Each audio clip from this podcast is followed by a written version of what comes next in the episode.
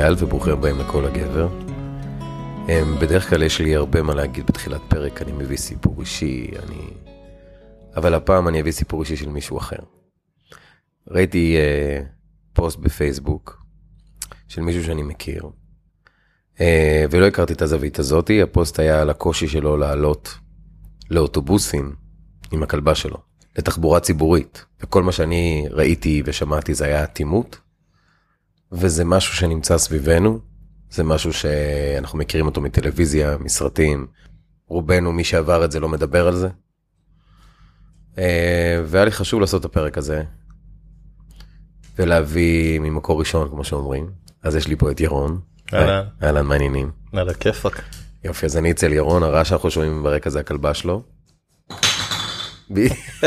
איזה פרזנטציה היא עושה פה. כן, היא יודעת שהם מציעים. מדברים עליה. יופי. אז ירון, תציג את עצמך. אה, אז אני ירון, אני עוד מעט בן 37, אה, גרוש, במקור ירושלמי מזה חמש שנים בתל אביב. גם החמש שנים האלה נראים זמניים, תכף אני אעזוב את הדירה הזאת.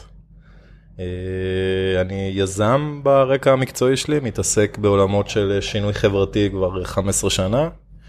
ובשנתיים האחרונות אה, ממנכ"ל חברה שבזווית האחרונה שלנו אנחנו בעצם פותחים בית ספר אונליין לבני נוער, אה, בית ספר לשינוי חברתי נקרא לזה, אוקיי. Impact School. אוקיי. איך קוראים לכלבה? רובי כפרה עליה. רובי כפרה עליה, אז אולי עוד מעט נזיז אותה קצת, כי הסאונד של העצם שלה, שלא נשמע כל הזמן טק, טק, טק.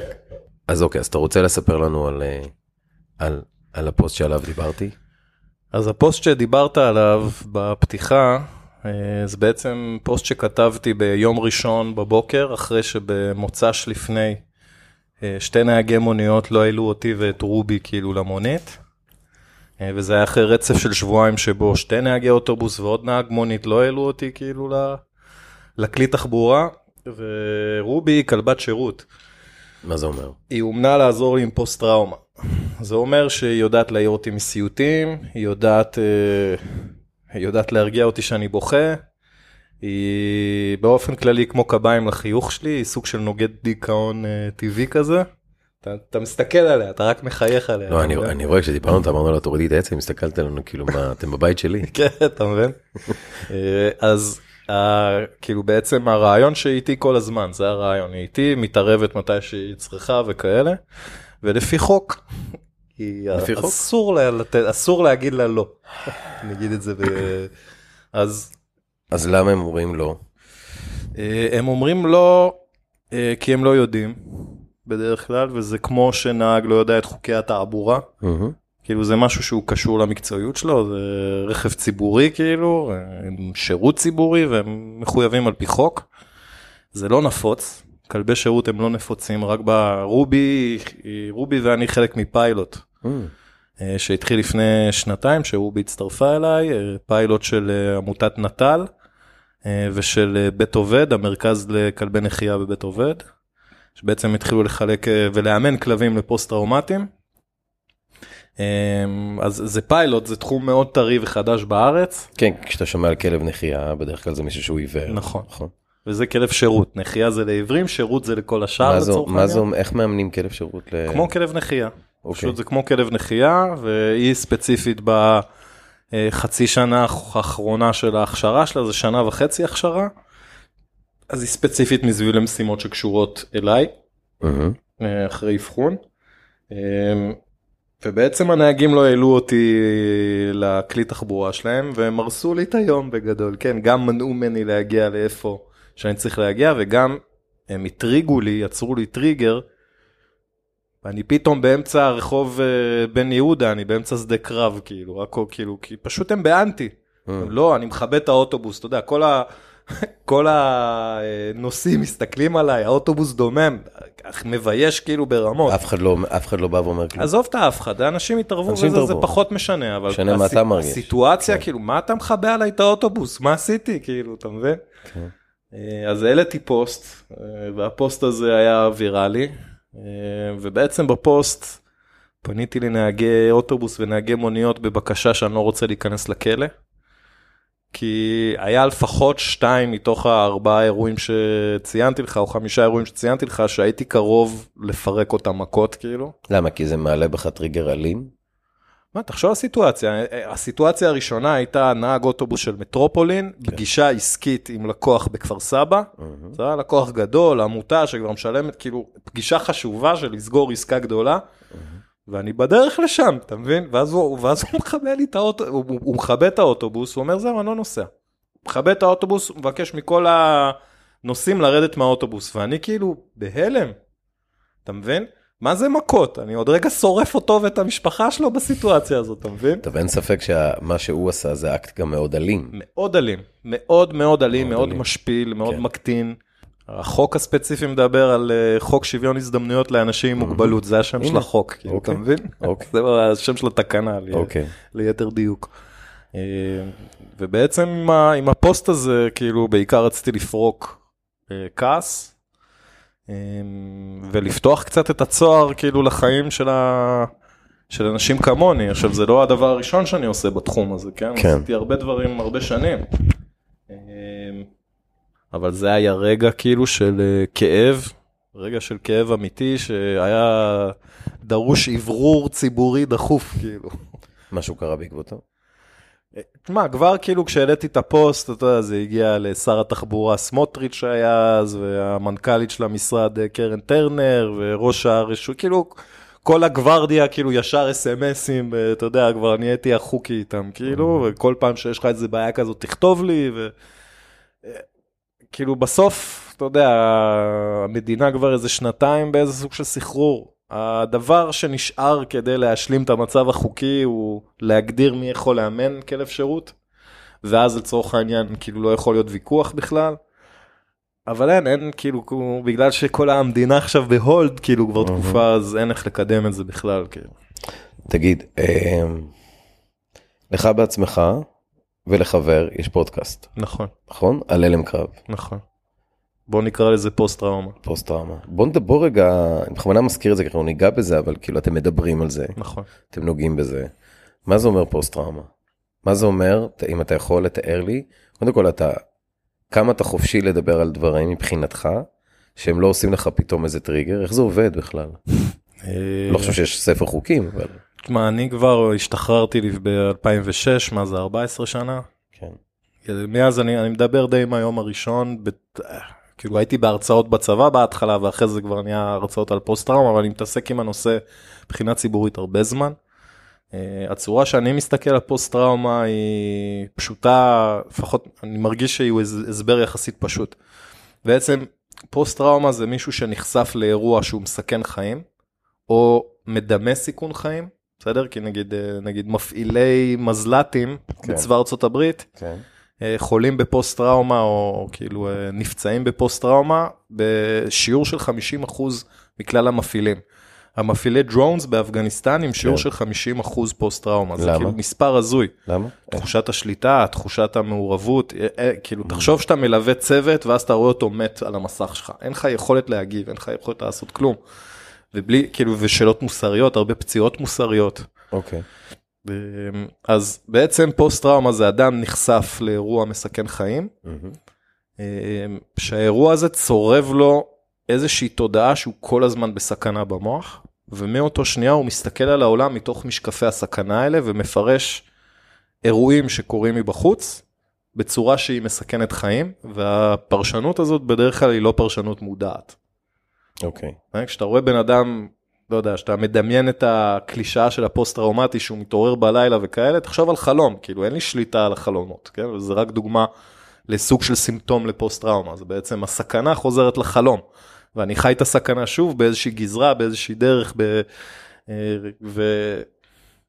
וזה לא, וזה בא לידי ביטוי גם באמצע היום, באמצע, כאילו, בכל סיטואציה, כאילו, לפי מה שאני, אה, אתה יודע, רוב הציבור מציגים לו בסרטים, בסדרות, גם בסדרות, אתה יודע, אנחנו הרי... מכעיס אותי הייצוג של זה. אוקיי, בוא נדבר על זה, כי אנחנו, כי, כי זה טוב מאוד, כי זה כמו, זה כמו, אתה יודע, מה זה אהבה? אז אנחנו רואים נשיקות, ככה צריכה להיות נשיקה, נכון. ככה, נכון? ככה צריך להיות חיבור, ככה פורנו, צריך ככה להיות צריך soulmate. להיות סקס. ברור, ככה הכל אוקיי. צריך להיות. כן. עכשיו עושים אותו דבר, כשאני חושב על זה, זה כאילו אותו דבר עם פוסט טראומה, במיוחד. בישראל, שאנחנו. מדינה שחיה על ההקרבה האינסופית של הילדים בני ה-18 האלה. נכון, נכון. אני לא אכניס את הדעה האישית שלי, ועדיין יש משהו במדינה הזאת שעושה גלוריפיקציה הרי לצבא. זה לא יכול להיות אחרת. תשמע, זה מנגנון הכרחי בסוף, שאתה, נכון, שאתה מסתכל יודעים. על הסיטואציה החברתית, לא ה...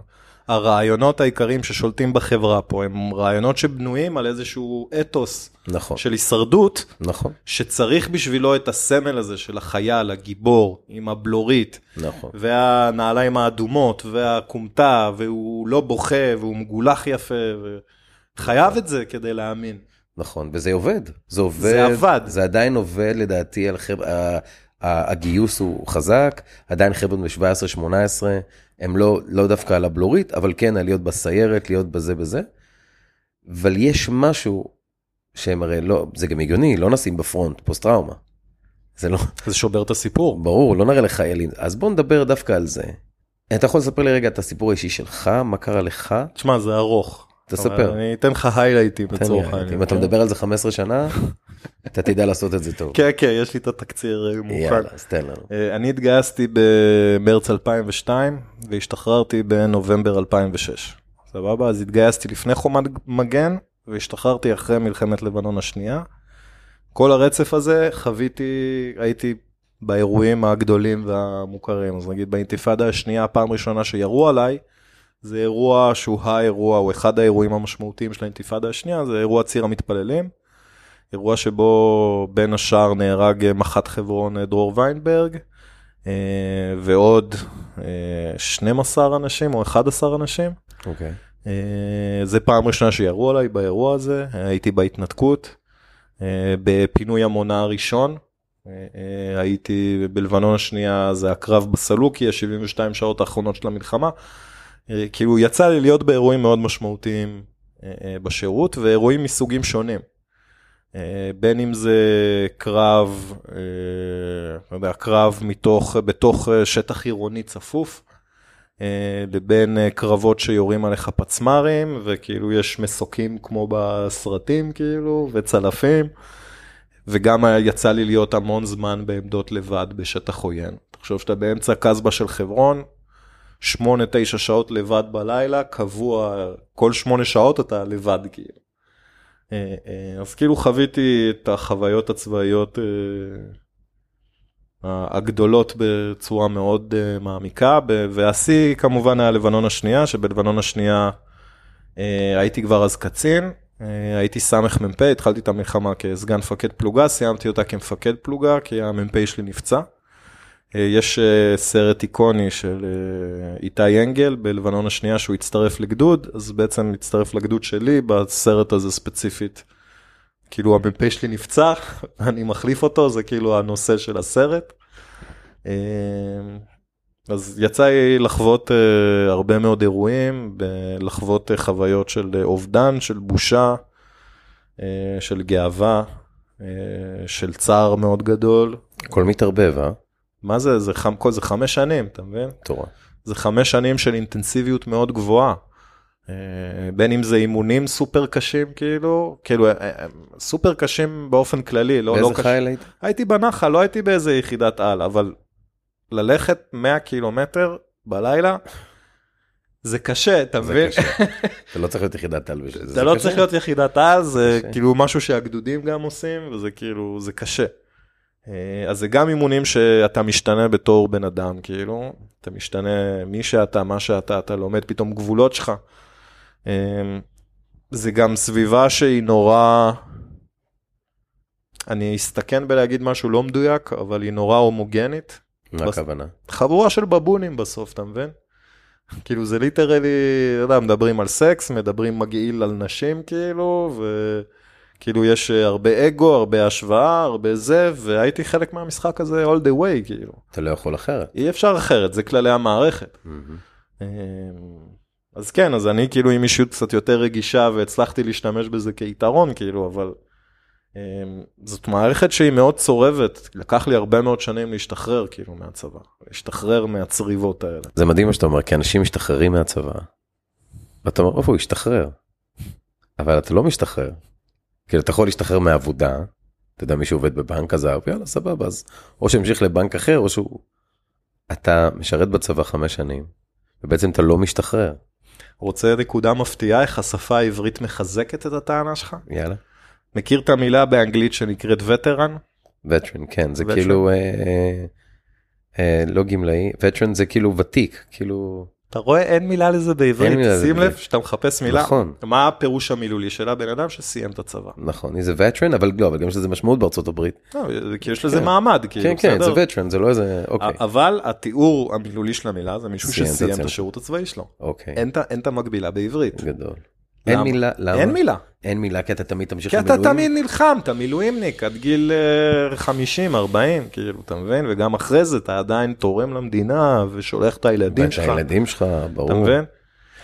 אין את המילה הזאת, זאת אומרת, התרבות מדהים. שלנו לא משחררת אותנו מהצבא. בהגדרה, אין, אין, אין את המועד סיום. אתה מבין? זה עובדה נורא מפתיעה, כאילו, שאין את המילה הזאת. אה, אבא שלי היה, דיברנו על זה, אבא שלי היה ב- ביום כיפור, בתופת, עם טנקים ועם הכל. כן, הצבא הוא, הוא נמצא בכל מקום, אבל פוסט טראומה זה לא מה שמדברים עליו.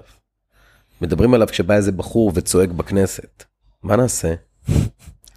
אה, תשמע, יש הרבה אנשים שמתמודדים עם השאלה הזאת, אני בעצמי הקמתי עמותה לפני כמה שנים טובות, שנקראת אה, רסיסים, שהמטרה שלה היא בעצם לייצר מרחבים ציבוריים לשיתוף חוויות קרב ולחימה, מתוך הטענה ש...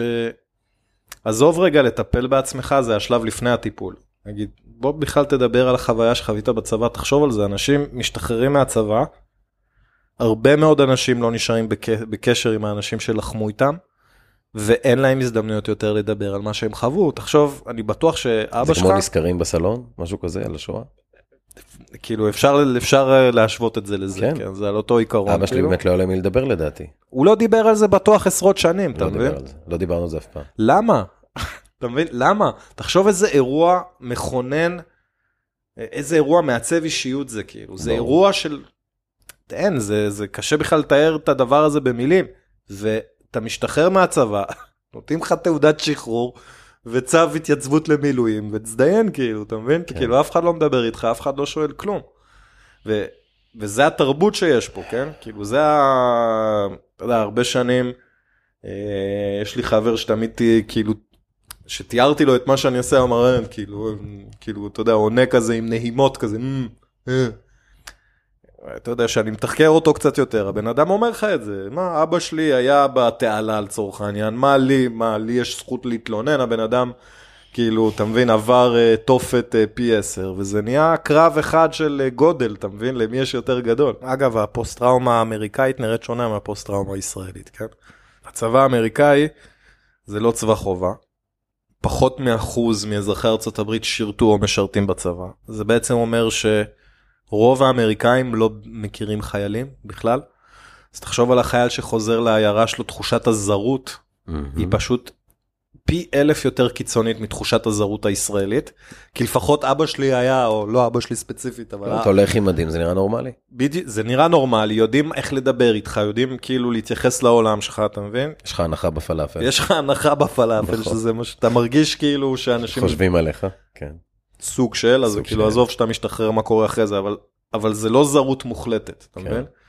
ובארצות הברית אתה מסתכל גם אחוזי ההומלסנס, אחוזי החסרי בית, אחוזי האלכוהוליזם, אחוזי האלימות שקשורים פוסט טראומה, הם פי אלף יותר גבוהים ממה שקורה בישראל, אני לא זוכר לשלוף לך את המספרים. אוקיי. אבל המספרים הם בקנה מידה אחד גדול יותר.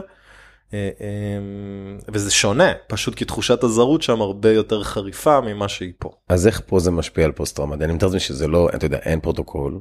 זה פשוט נפוץ יותר. אוקיי. איך אתה מבין, מש... יש פחות תסמינים אבל ליותר אנשים. אוקיי, פחות. אז אתה אמרת לפני שנייה, בהתחלה דיברנו על זה, דיברנו על זה ואמרת שזה מאוד מעצבן אותך איך מראים את זה בטלוויזיה. אוי, חוש שילינג. למה זה מעצבן אותך? בוא נתחיל על המושג הלם קרב, שהוא כרגע המושג השולט כאילו. נכון, הלם קרב. כולם מדברים על הלם קרב וזה, זה מביא לי את הסעיף.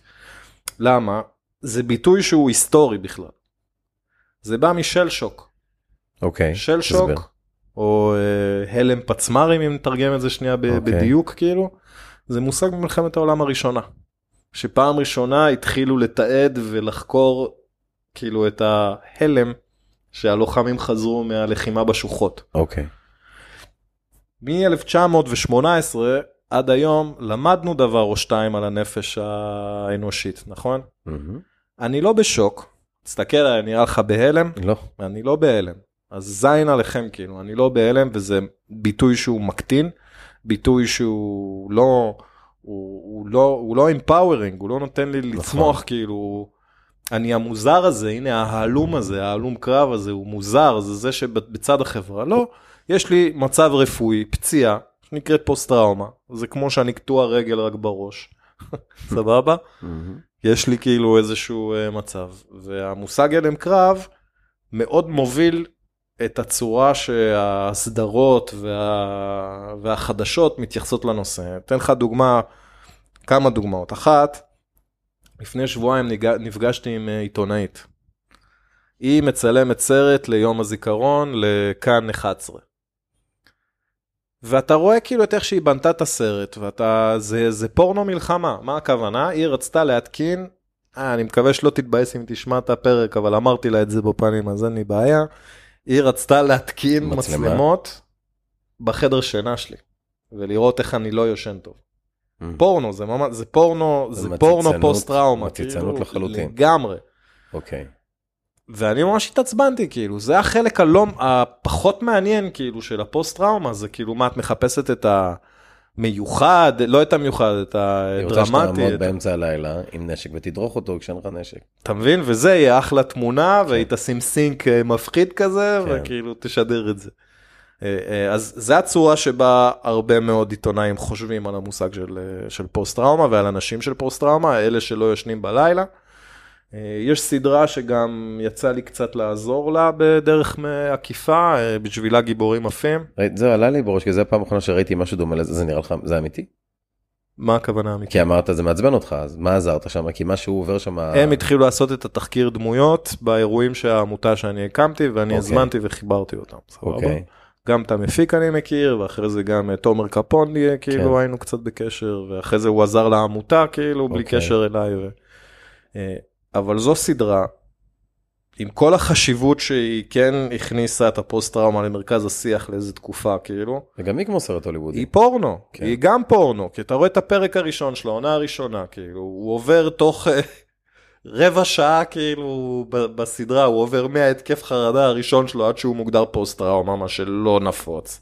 זה לוקח שנים, הרבע שעה הזה שהם צילמו.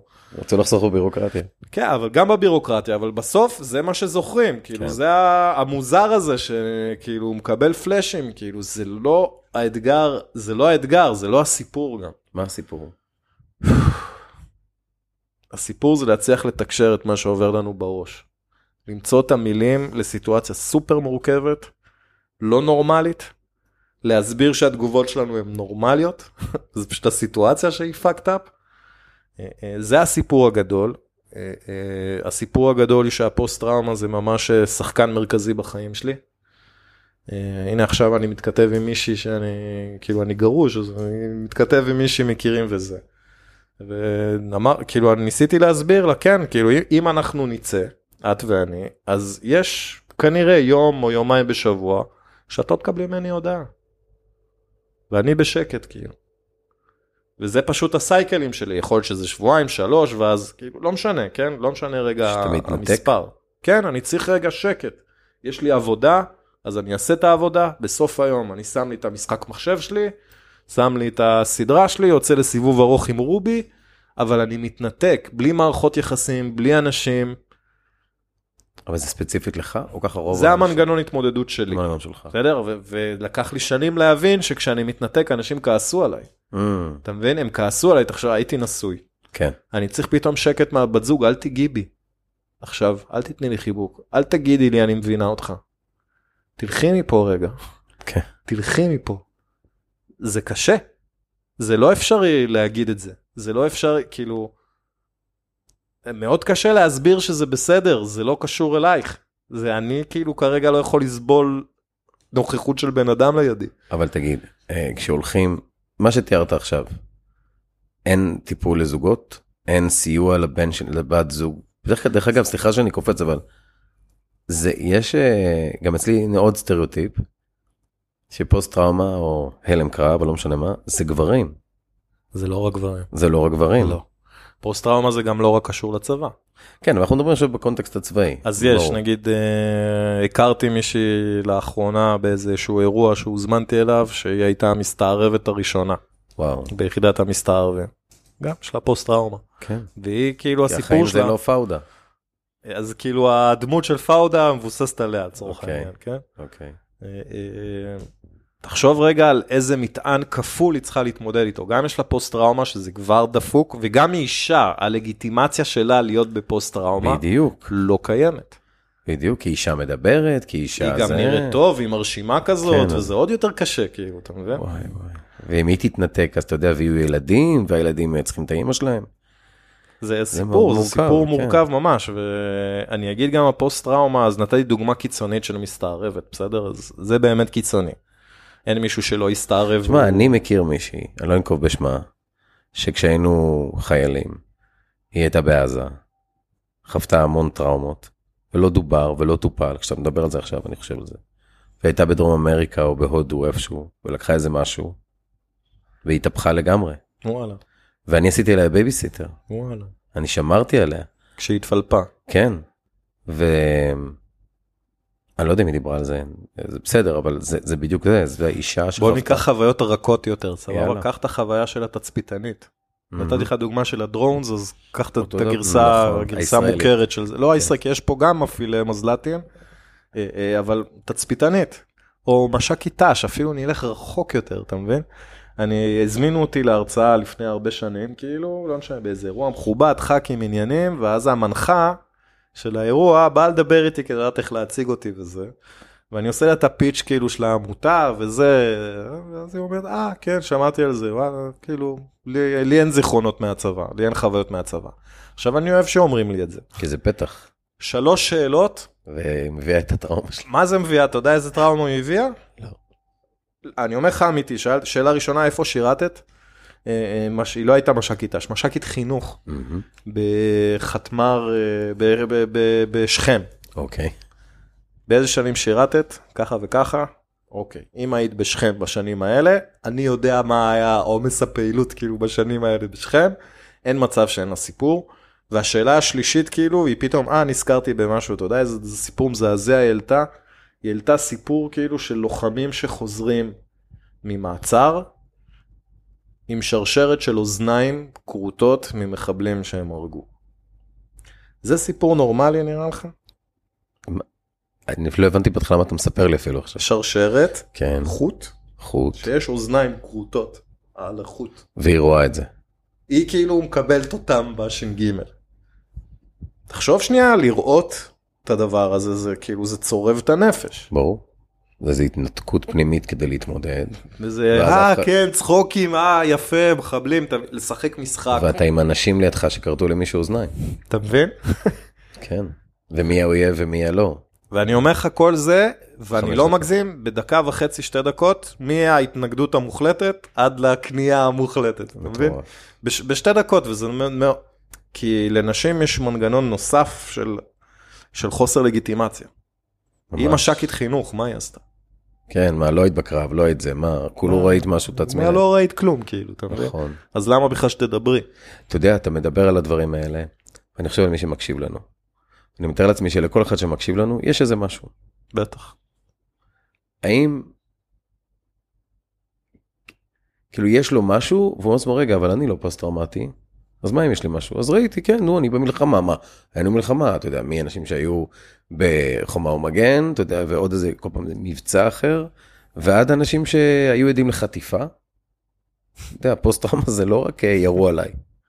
זה, כמו. שאמרת, זה בכל הדברים שקשורים. אני לא יודע איפה עובר הקו, איפה עובר הקו? לא בטוח שצריך להעביר קו, אבל תן לי לתקוף את זה. מכיוון אחר. אתה מכיר את הקבוצה שנפתחה בזמן הסגר הקודם של לבנון, כל סיפורי לבנון? שמעתי על זה, כן. סבבה, אז היה איזה טרפת ברשת, נכון, כאילו, על, נכון. על הסיפור הזה של לבנון. אה, חיים הר זהב והחבר'ה שלו שם עשו עבודה מאוד יפה. אה, ואתה נכנס שם לקבוצה, והיה שם סדרה של פוסטים נורא מעניינים. אה, כל מיני שהאם אתה מתנהג ככה, אם כן, תגיד אני. סבבה? אז נגיד, מי יושן פה עם אה, נבוט מתחת למיטה? די. ואתה רואה אנשים, אני זה, אני עם הגרסה הזאת, זה זה.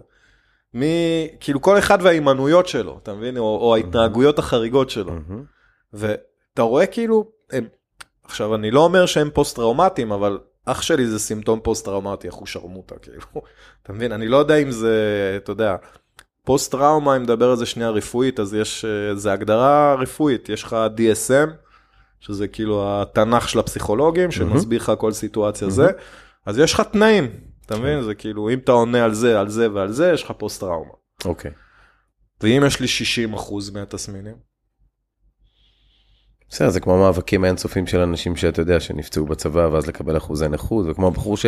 אפילו הבחור הזה שעכשיו אה, דיברו עליו, נכון? זה שעלה על החומה, איזה בחור שני מטר, לא יודע אם ראית את זה, עלה על החומה, ירה עם מאגים מכל אה, דבר, אה, אמסילי, כן, שרון אמסילי. שרק קיבל איזה 20 אחוז אחוזי נכות או וואי, משהו יש לו כזה. סיפור מטורף לאמסילי. כן. אה, אבל הנה, אתה מבין, אחד כזה, אה, כאילו איפשהו גם אה, מנציח את ההלם קרב. אה, תשמע, הוא צריך לעשות את מה שהוא צריך לעשות כדי לשרוד, וזה טוב מאוד שהוא יצטרך לקבל את התשומת. לב הזה וזה, אבל כן, כשזה הפך לסיפור הגדול, שזה שזה באמת סיפור גדול. אני לא בטוח שזה עוזר למאבק שלנו. כי, כי, כי אתה צריך להיות כזה. כי אתה צריך להיות כזה כדי לקבל, אתה צריך להיות כזה כדי שתהיה לגיטימי בכלל לחשוב ולדבר על זה. איפה, איפה המקום שבו אתה, אם בכלל, מרשה לעצמך להתפרק? אה, תשמע, זה, אני, אני אדם רגיש, אז התהליך שלי של לתת לעצמי לגיטימציה להתפרק, התחיל מאוחר, אבל ברגע שהוא התחיל, הוא התקדם מהר כאילו.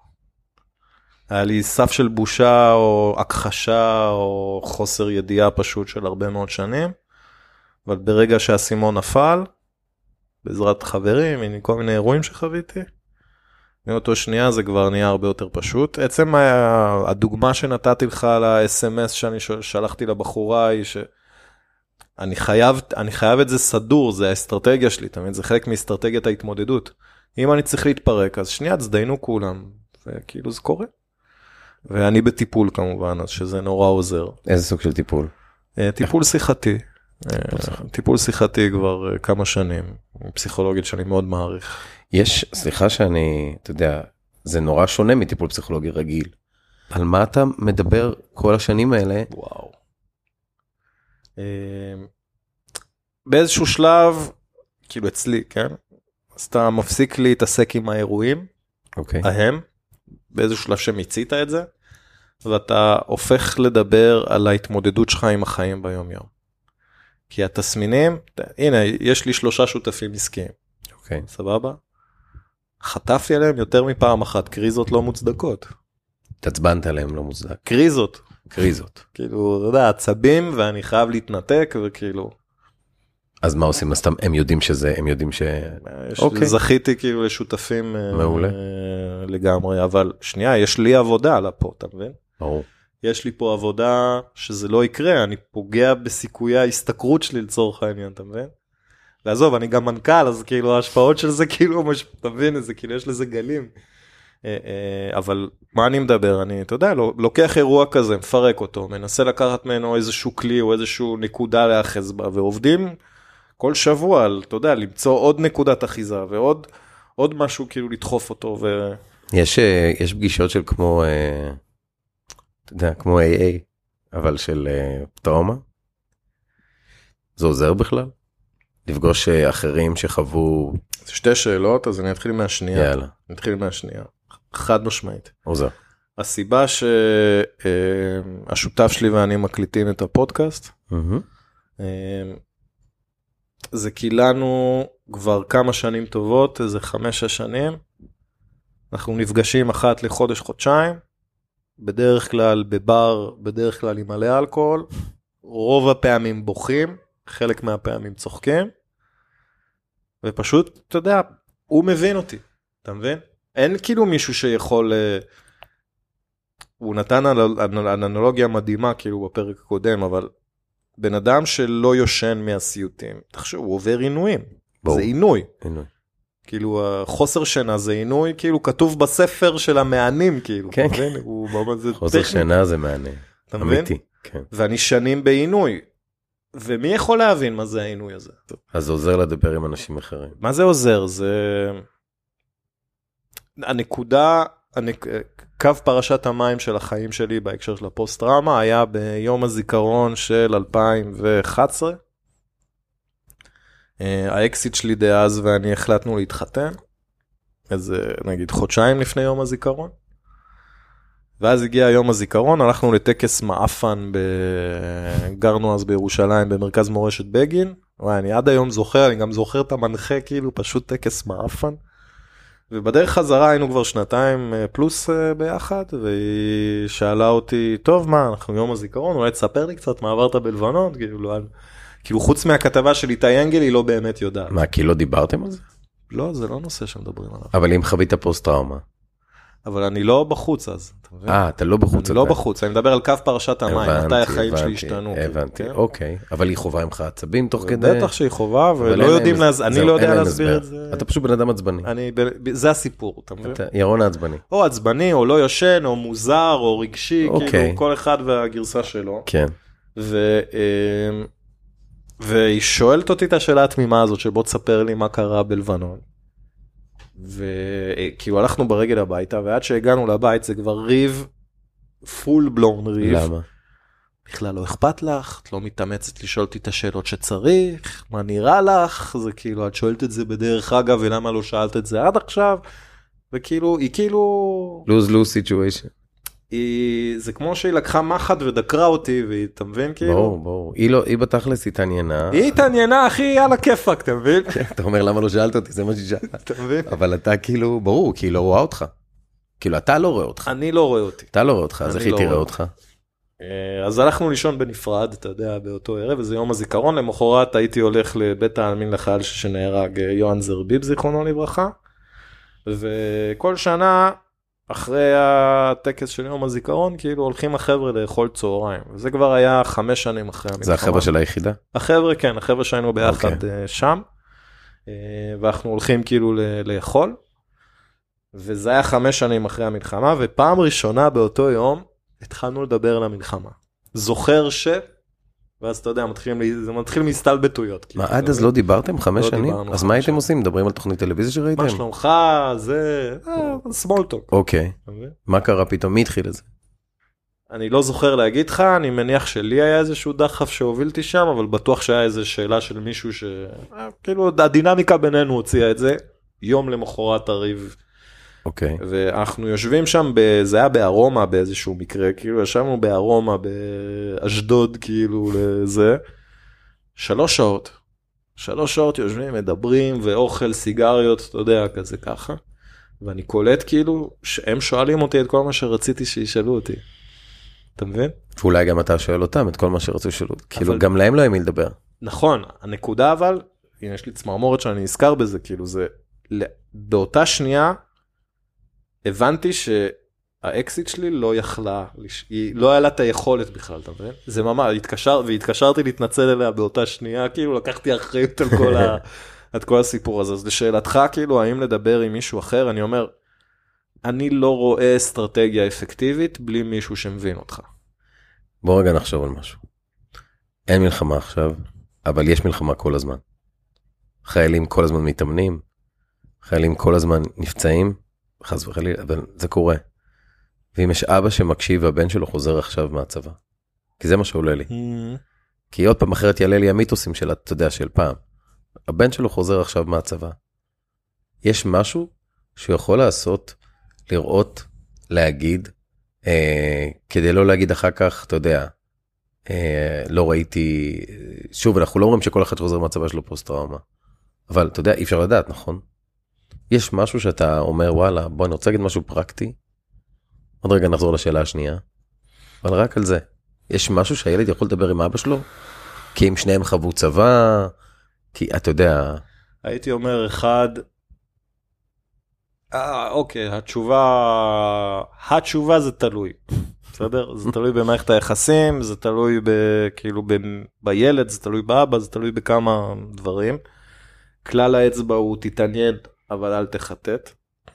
תתעניין, אבל אם יש התנגדות, אל תלחץ, אבל תמשיך להתעניין.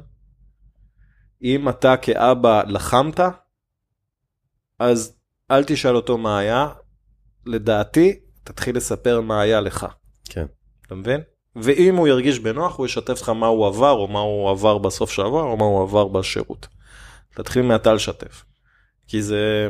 הדברים לא התפתחו בצבא מאז?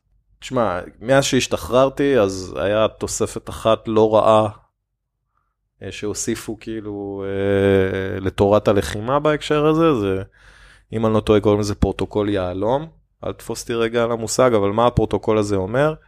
שאם חבר שלך בקרב פתאום נכנס לסיטואציה של הוא קופא, שהוא נכנס להיפרוונטילציה, שהוא כאילו תסמינים של פוסט טראומה אה, חי, אז הפרוטוקול הזה אומר, הוא עוזר כאילו ללוחם להחזיר את החבר שלו לעניינים על ידי זה שהוא גורם לו להיות משמעותי. אני צריך אותך עכשיו, תעשה את הדבר הזה, כאילו להיות נורא פרקטי. שזה אחלה, כי זה מצמצם כאילו את הפוטנציאל נזק אחרי הקרב. אבל זה ממש לא מספיק, זה פלסטר בתכלס. כאילו אני מדבר על, אתה יודע, על אה, סיימו קרב או סיימו אימון אפילו, ושיהיה להם מי לדבר. כי אפילו לירות בנשק, תרבות מצ'ואיסטית, תחשוב כל המערכת, כאילו עזוב, גם המפקדים שלהם, זה אנשים בני 40-50, זה לא אנשים בני גילם, או בני דור הזה שהם הרבה יותר מפותחים נכון, רגשית. זהו, הדור הזה זה יותר- אנשים שגדלו על לבנון הראשונה ועל רצועת הביטחון ועל המיתוס של הנחל ושל גולני ושל צנחנים וכאילו זה התרבות. התרבות הארגונית היא כזאת. וייקח עוד 10-15 שנה עד שהיא תשתנה פשוט כי אלה האנשים במערכת. כן, כי אנשים חדשים יבואו. תחשוב כל הבני גנץ גבי אשכנזי כל החבר'ה האלה. תשמע הם פלופים בוא נהיה כנים רגע. זה אנשים פלופים כאילו. באמת בכנות. אתה רואה את בוגי יעלון זה אנשים כאילו אני אומר בכנות הם אתה לא יכול להיות בכל כך הרבה לחץ וסטרס לאורך השנים ולצאת משם נורמלי. תגיד איך סמים משפיעים על חייך? סמים, אלכוהול, אה, יש בריחה פה, יש טיפול פה, יש... אה, כי בעולם מטפלים, מטפלים ב-MDMA, מטפלים ב... אני נכון. מקבל קנאביס רפואי. אוקיי. אה, הקנאביס התפקיד שלו בחיי הוא להוריד את הטורים. הוא פשוט אה, לעזור לי לעבור את זה בלי העודף דרמה שאני מרגיש. אז נגיד אותו סיפור שסיפרתי לך עם הארבעה שהוא עם השלושה שותפים שלי שאני חוטף עליהם עצבים אז שנייה אני עושה שחטה רגע ומוריד את הווליום. זה מאפשר לי כאילו... וזה מדהים שעדיין צריך להילחם על זה, אה? וואו וואו, הסיפור של. הקנאביס זה סיפור של שחיתות יש שם, זה סיפור מסריח כאילו. כל הזמן צריך להילחם, אני זוכר את הבחור הזה, אני לא זוכר את שמו, אולי אתה תדע. עידו- עידו גלרזון. זה שבא ובכה בכנסת ודיבר על הכאב שלו, כן, כן, זה עשה. משהו?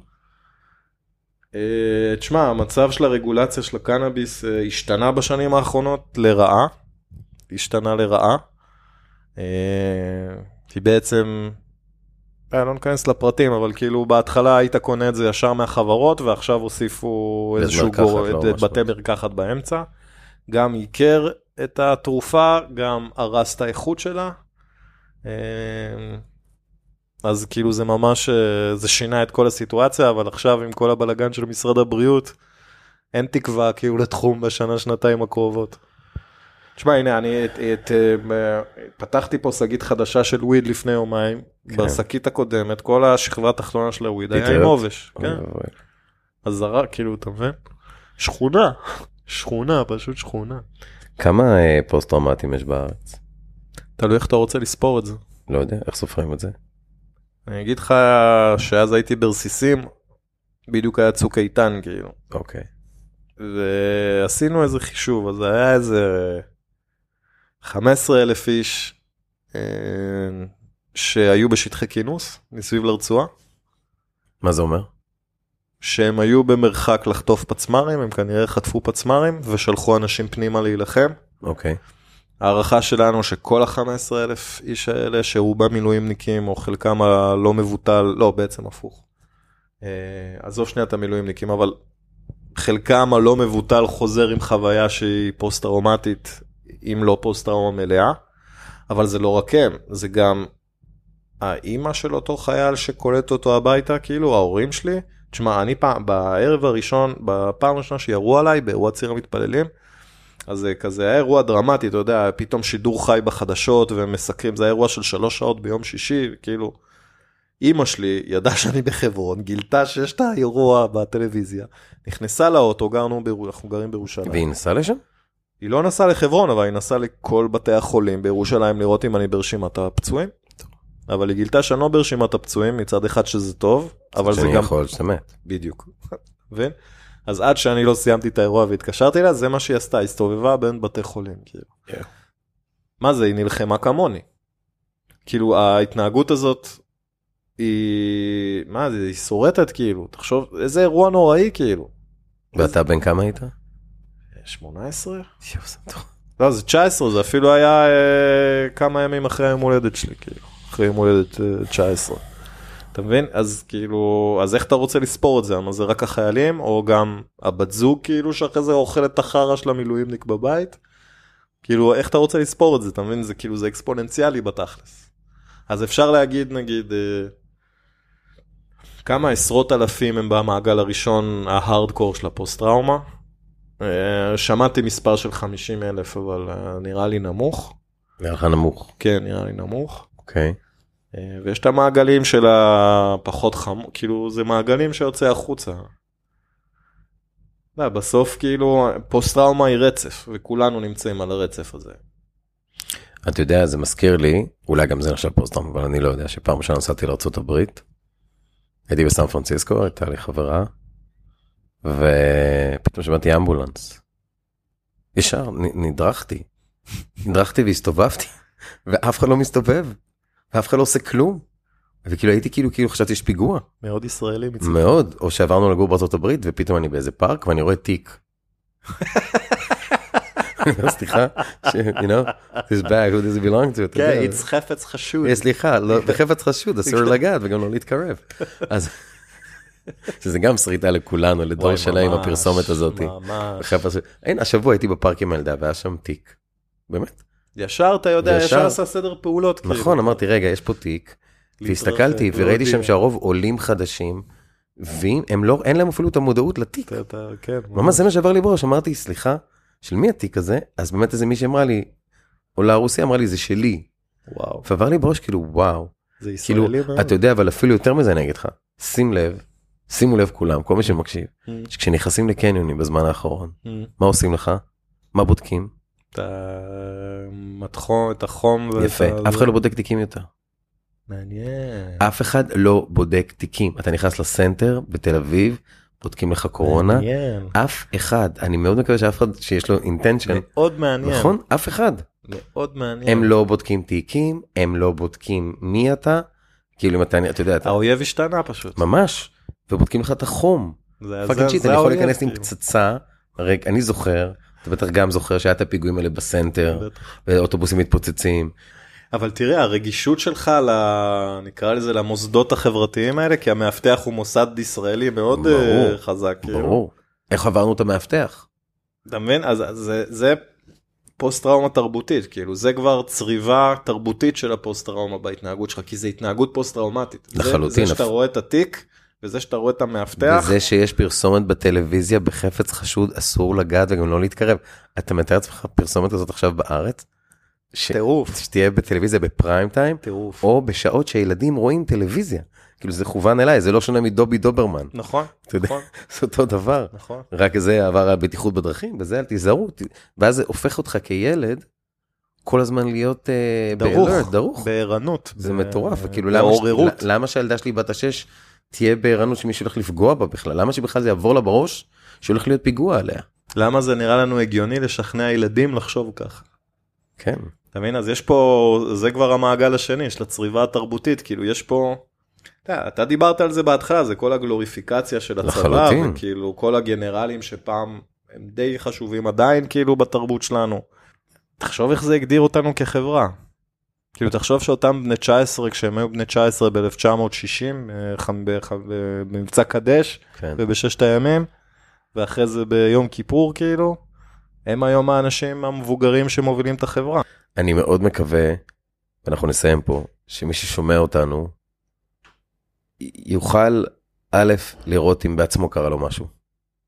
אתה יודע, זה בסדר, אפשר לעצור בצד הכביש. לי קרה, כשהייתי עצבני והייתי בארצות הברית, הייתי עוצר, פשוט צורח באוטו, כי לא היה לי איפה. כי לא היה לי איפה, אף אחד לא מבין אותי באמצע ניו ג'רזי, אז הייתי צורח. אז, זה, אז והייתי מתוסכל, אז זה בסדר לצרוח, זה בסדר להגיד וואלה, כן, אתה יודע מה, דבר עם חברים שלך ליחידה, לא חסר מקומות, פייסבוק, וואטסאפ, לא, לא חסר, תדברו, תוציאו החוצה, אני אתחיל את זה משלב לפני ה- תדברו החוצה. תכירו בעצמכם. זה בסדר, זה בסדר להתנהג כמו שאתם מתנהגים ולהרגיש כמו שאתם מרגישים. אתה לא צריך, לא צריך לסחוב איתך כל כך הרבה אשמה ובושה מהתקופה של השירות שלך, ואם אתה סוחב את זה, זה בסדר. אבל אתה יכול לחיות אחרת, אתה יכול לחיות טוב יותר, תזכור את זה. מפה כבר לשתף ולדבר זה כבר השלבים האקטיביים של לצאת אוקיי. החוצה, כן? אבל שנייה, אל תהיה במלחמה עם עצמך, אל תתבייש. כאילו, שנייה תבין, זה נורמלי. כאילו, התגובות שלך הן תגובות נורמליות לסיטואציה fucked up שכאילו נזרקת אליה ואף אחד לא החזיר אותך משם. זה בסדר. כן, גם אם אתה מתפקד, יש לך אישה, ילדים, בעל, זה לא משנה מה, זה כן, כנראה שגם יש לך את הדברים האלה כי חשבת שאתה נורמלי וניסית לשדר כלפי חוץ תחושה של נורמליות. וזה, וזה אחלה, זה מנגנון התמודדות בסוף, זה בסדר. אבל חשוב לזכור שכאילו להרגיש, כאילו להתעורר בלילה מסיוטים, לפחד מבומים, דברים שכביכול יכולים לעורר מלא אשמה ובושה על איך שאני מגיב אליהם, זה בסדר. זה פשוט בסדר, זה בסדר לבכות ביום הזיכרון. זה בסדר, זה בסדר לרצות להתנתק ולא לראות אף אחד ביום הזיכרון. אני מכיר די הרבה אנשים שטסים ביום הזיכרון, יום העצמאות, לא מסוגלים להיות כי זה. מעלה להם הרבה כאב. מה זה, זה פסטיבל, אה, זה פסטיבל של אה, שכול, כאילו. כן. אה, אז נראה לי לפני הלדבר וזה, זה שנייה, זה בסדר להיות סלחני כלפי עצמך, להביא חמלה. להביא חמלה, אל תפחד מזה, אתה יכול לשפר את החיים שלך. אתה לא יכול בעיניי להתרפא, אבל לשפר את החיים שלך אתה יכול. אתה לא יכול. להתרפא. אני לא חושב. זה כמו צלקות שאתה עליך, תמיד אתה תראה אותן. תמיד הם פה, אתה מבין? בסדר, אבל אם אתה, כמו שאתה אומר, אתה יודע, אתה יכול לקום בבוקר עצבני, אתה אומר, למה אני ככה, למה אני ככה, למה ככה, ואנשים אומרים, "או, טוב, הוא עצבני. ואולי יש סיבה שאתה ככה, אולי יש סיבה שאתה ככה, אחי. ואז אולי תביא חמלה, קבל את עצמך ותשאל אנשים. דבר עם אנשים. ווואלה, ירון, תודה רבה רבה מה רבה. זה, על אשריך, תודה. על ההזדמנות. באמת, ואני באמת מקווה שמי שיש לו, אנחנו גם נשים מספרי טלפון, נכון? מה, יש נט"ל ויש... אה, נט"ל יש להם קו חם, חפשו נט"ל בגוגל, זה התוצאה הראשונה, אוקיי. נ"ט ל, יש שם קו חם, זה מקום טוב להתייעץ איתו בצורה אנונימית, אם יש לכם התלבטויות על מי שאתם, מה שאתם, תקשרו אליהם פשוט. או לילדים שלכם מהצבא. כן, כן. לגמרי, אה, ממליץ לכם אה, לשמוע את הפודקאסט אה, של השותף שלי אנחנו נשים ושלי, אותו גם, נשים קישור. מענה הולם, פודקאסט מהמם. לספו- לפוסט טראומטיים. אה, הפודקאסט שלנו, המטרה שלו היא יותר לייצר הזדהות, יותר לראות את החוויה הזאת מבפנים. אנחנו פשוט משתפים את החוויות שלנו. אנחנו לא באים לפתור או לרפא או לתת טיפים, אנחנו רק באים להראות שאנחנו לא לבד, פשוט תראו, זה זה. כן. אמ, ותרגישו בנוח לדבר עם חברים שלכם מהצבא, אתם תגלו שיש להם כנראה את אותם שטיקים שלכם ולא דיברתם על זה אף פעם. יפה, מעולה. תודה רבה רבה.